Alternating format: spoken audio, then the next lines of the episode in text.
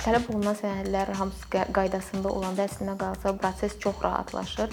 Sadəcə olaraq əvvəl elektron qeydiyyat olmadığından və yaxud da ki, sənədləşmənin düzgün aparılmadığından, arxivlərə sənədlərin düzgün təhvil verilmədiyindən bu vətəndaşların həmin hissədə hüquqlarının pozuntusuna gətirib çıxardır.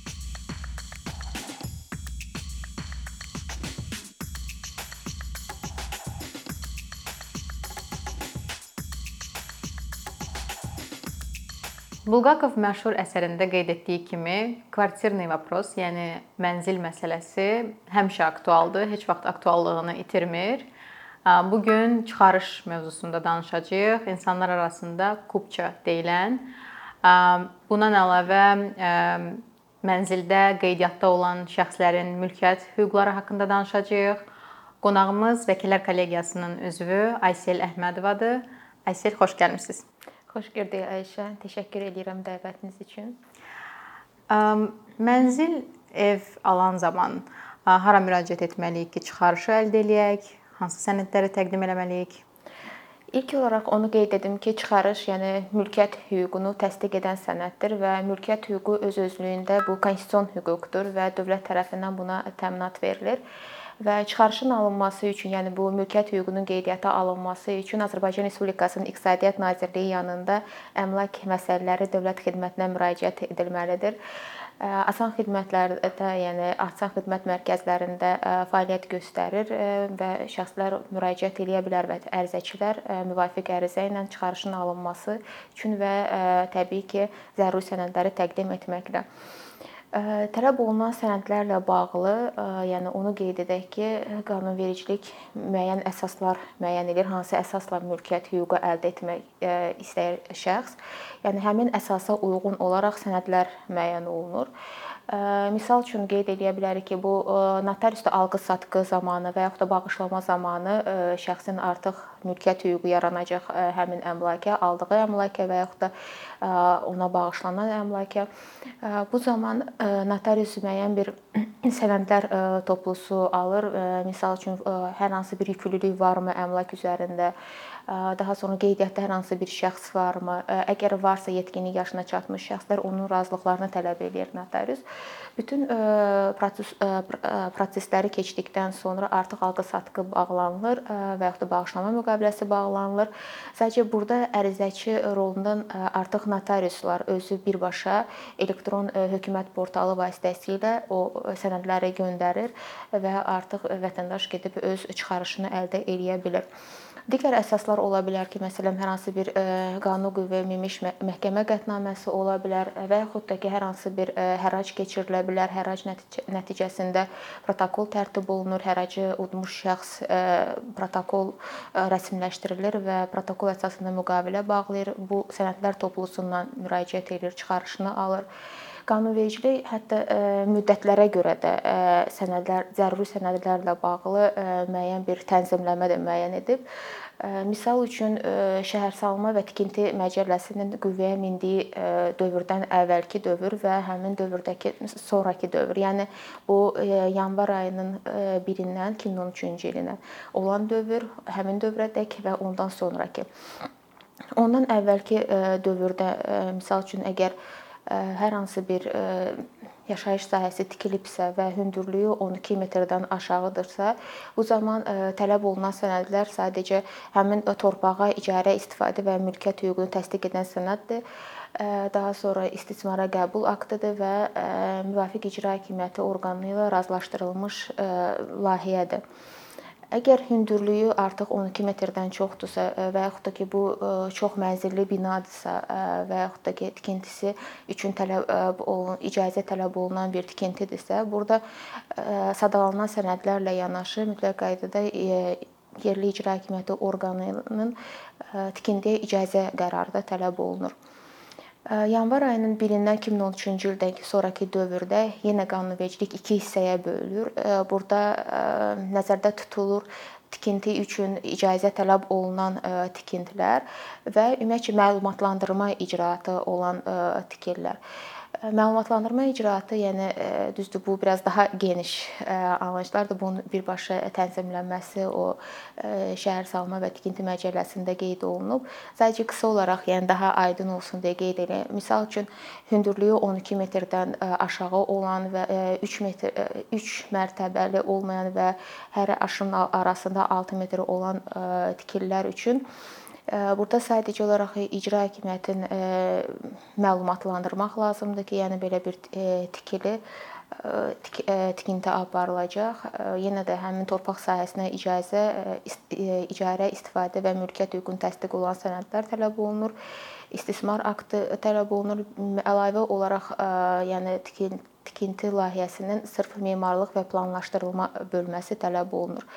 Amma tikintisinə icazə tələb olunan tikililər üçün artıq əlavə sənəd olaraq mütləq qaydada qərar olmalıdır ki, yəni sırf bu tikintinin aparılmasına icazə verilir. Bəs bütün bu lazımi sənədləri vətəndaş toplayıb dövlət xidmətinə təqdim eləyibsə və onun çıxarışın verilməsi yubadılırsa və ya imtina verilirsə, vətəndaş nə etməlidir?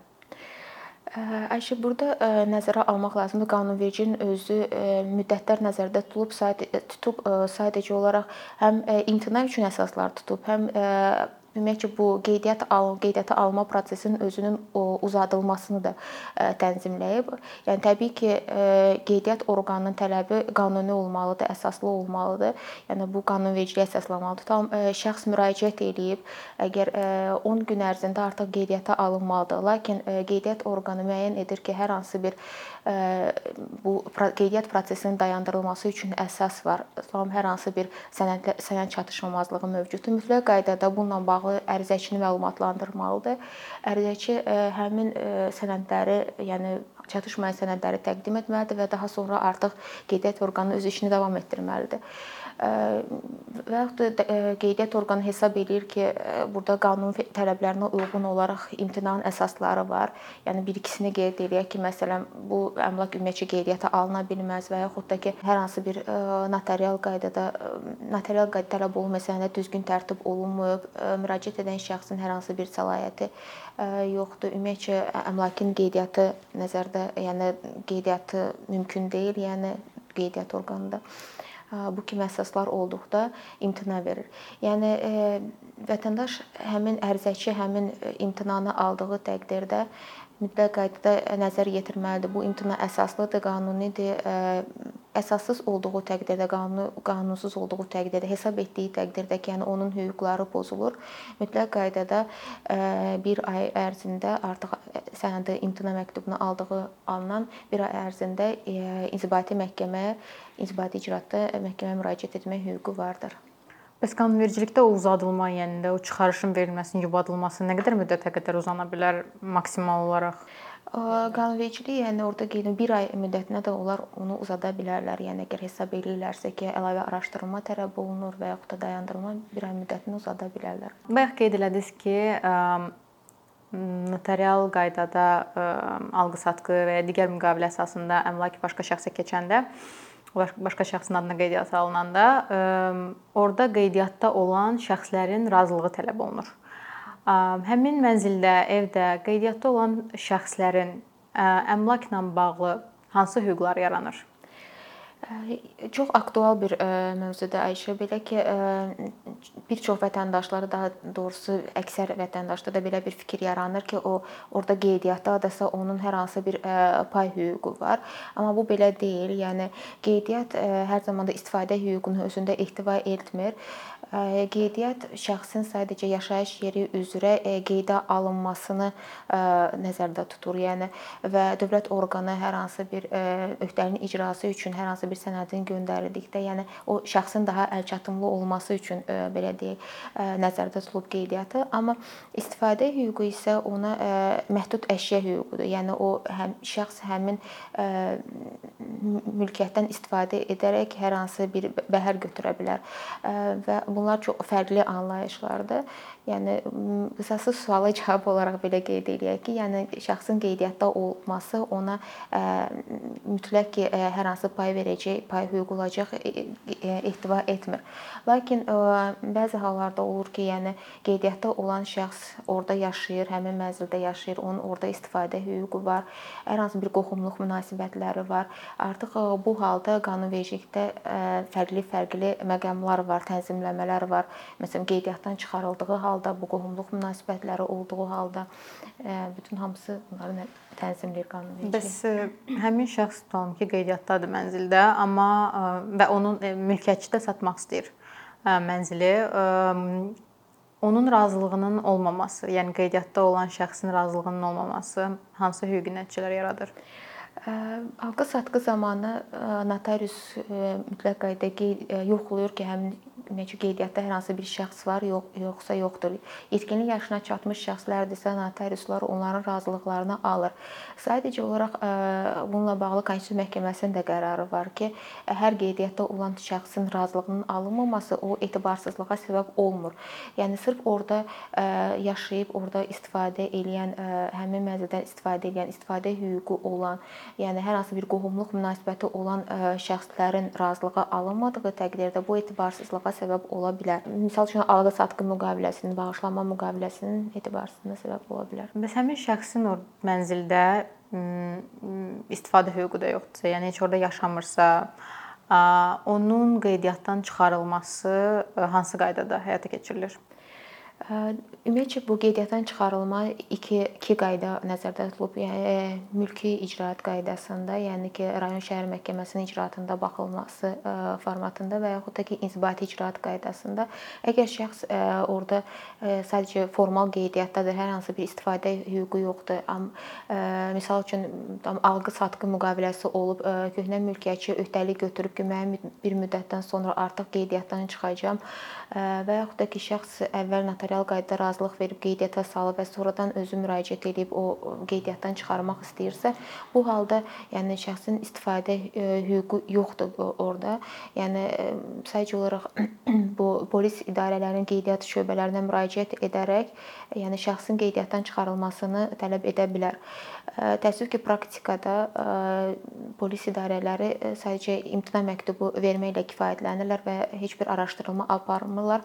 Halbuki məsələn şəxs təqdim eləyir alqı-satqı müqaviləsini qeyd eləyir ki, köhnə mülkiyyətçi öhdəlik götürüb sadəcə olaraq belə deyək, qeydiyyata düşəcək yeni bir ünvanı olmadığından oradan qeydiyyatı qeydiyyatdan çıxara çıxara çıxa bilmir və üzərinə götürdüyü öhdəliyi birbaşa öz iradəsindən asılı olmadığı haldan icra edə bilmir.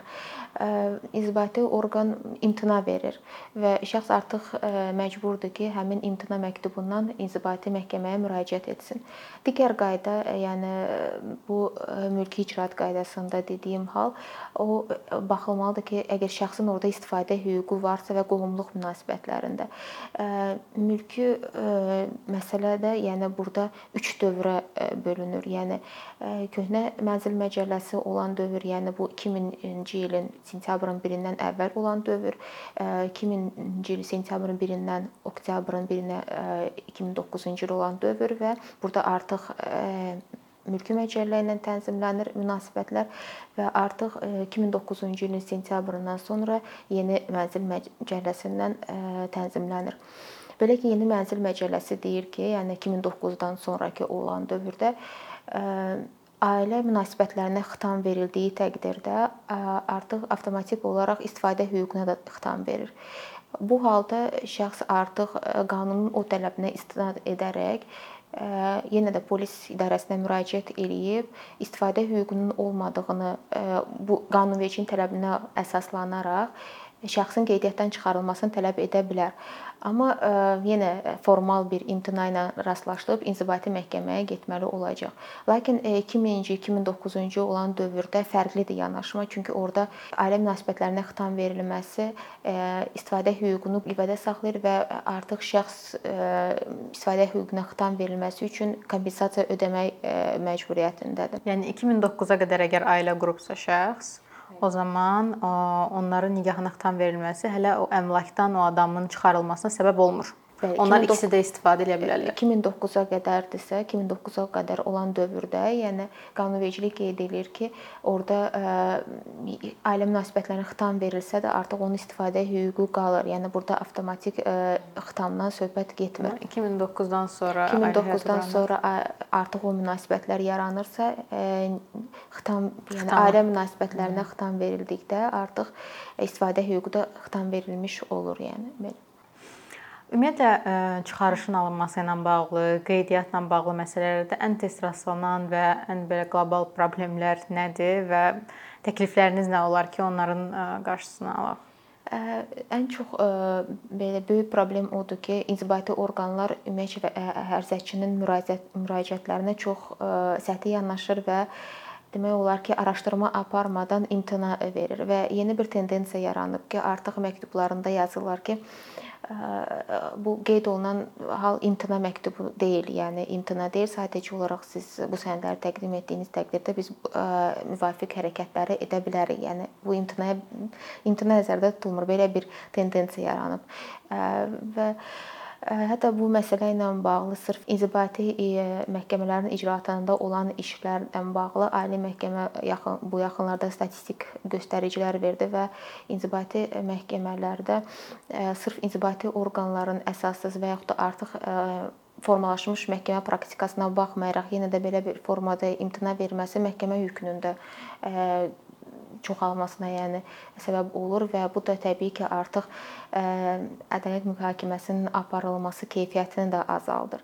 Yəni yaxşı olardı ki, ə, indi mövzumuza uyğun olaraq polis idarələrində bunlarla bağlı ya təlimi keçirilsin ki, yəni bu formada olan işlərdə artıq müəyyən bir məhkəmə təcrübəsi formalaşıb.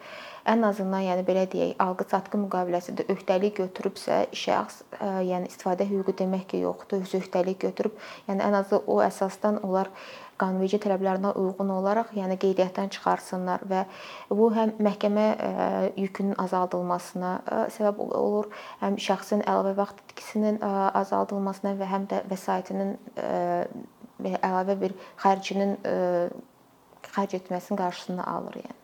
Bəs ümumiyyətlə bu çıxarışı almaq niyə bu qədər problem yaradır insanlar üçün? Tələb olunan sənədlər hamısı qaydasında olanda əslinə qalsa bu ə, proses çox rahatlaşır. Sadəcə olaraq əvvəl bu elektron qeydiyyat olmadığından və yaxud da ki, sənədləşmənin düzgün aparılmadığından, arxivlərə sənədlərin düzgün təhvil verilmədiyindən bu vətəndaşların həmin hissədə hüquqlarının pozuntusuna gətirib çıxardır və onlar da məcbur olurlar inzibati orqan onların hüququnu təmin etmədikdə artıq məhkəməyə üst tutsunlar. Çox sağ olun dəvətimizi qəbul edib gəldiyiniz üçün. Mən təşəkkür edirəm. Sağ olun. Bye.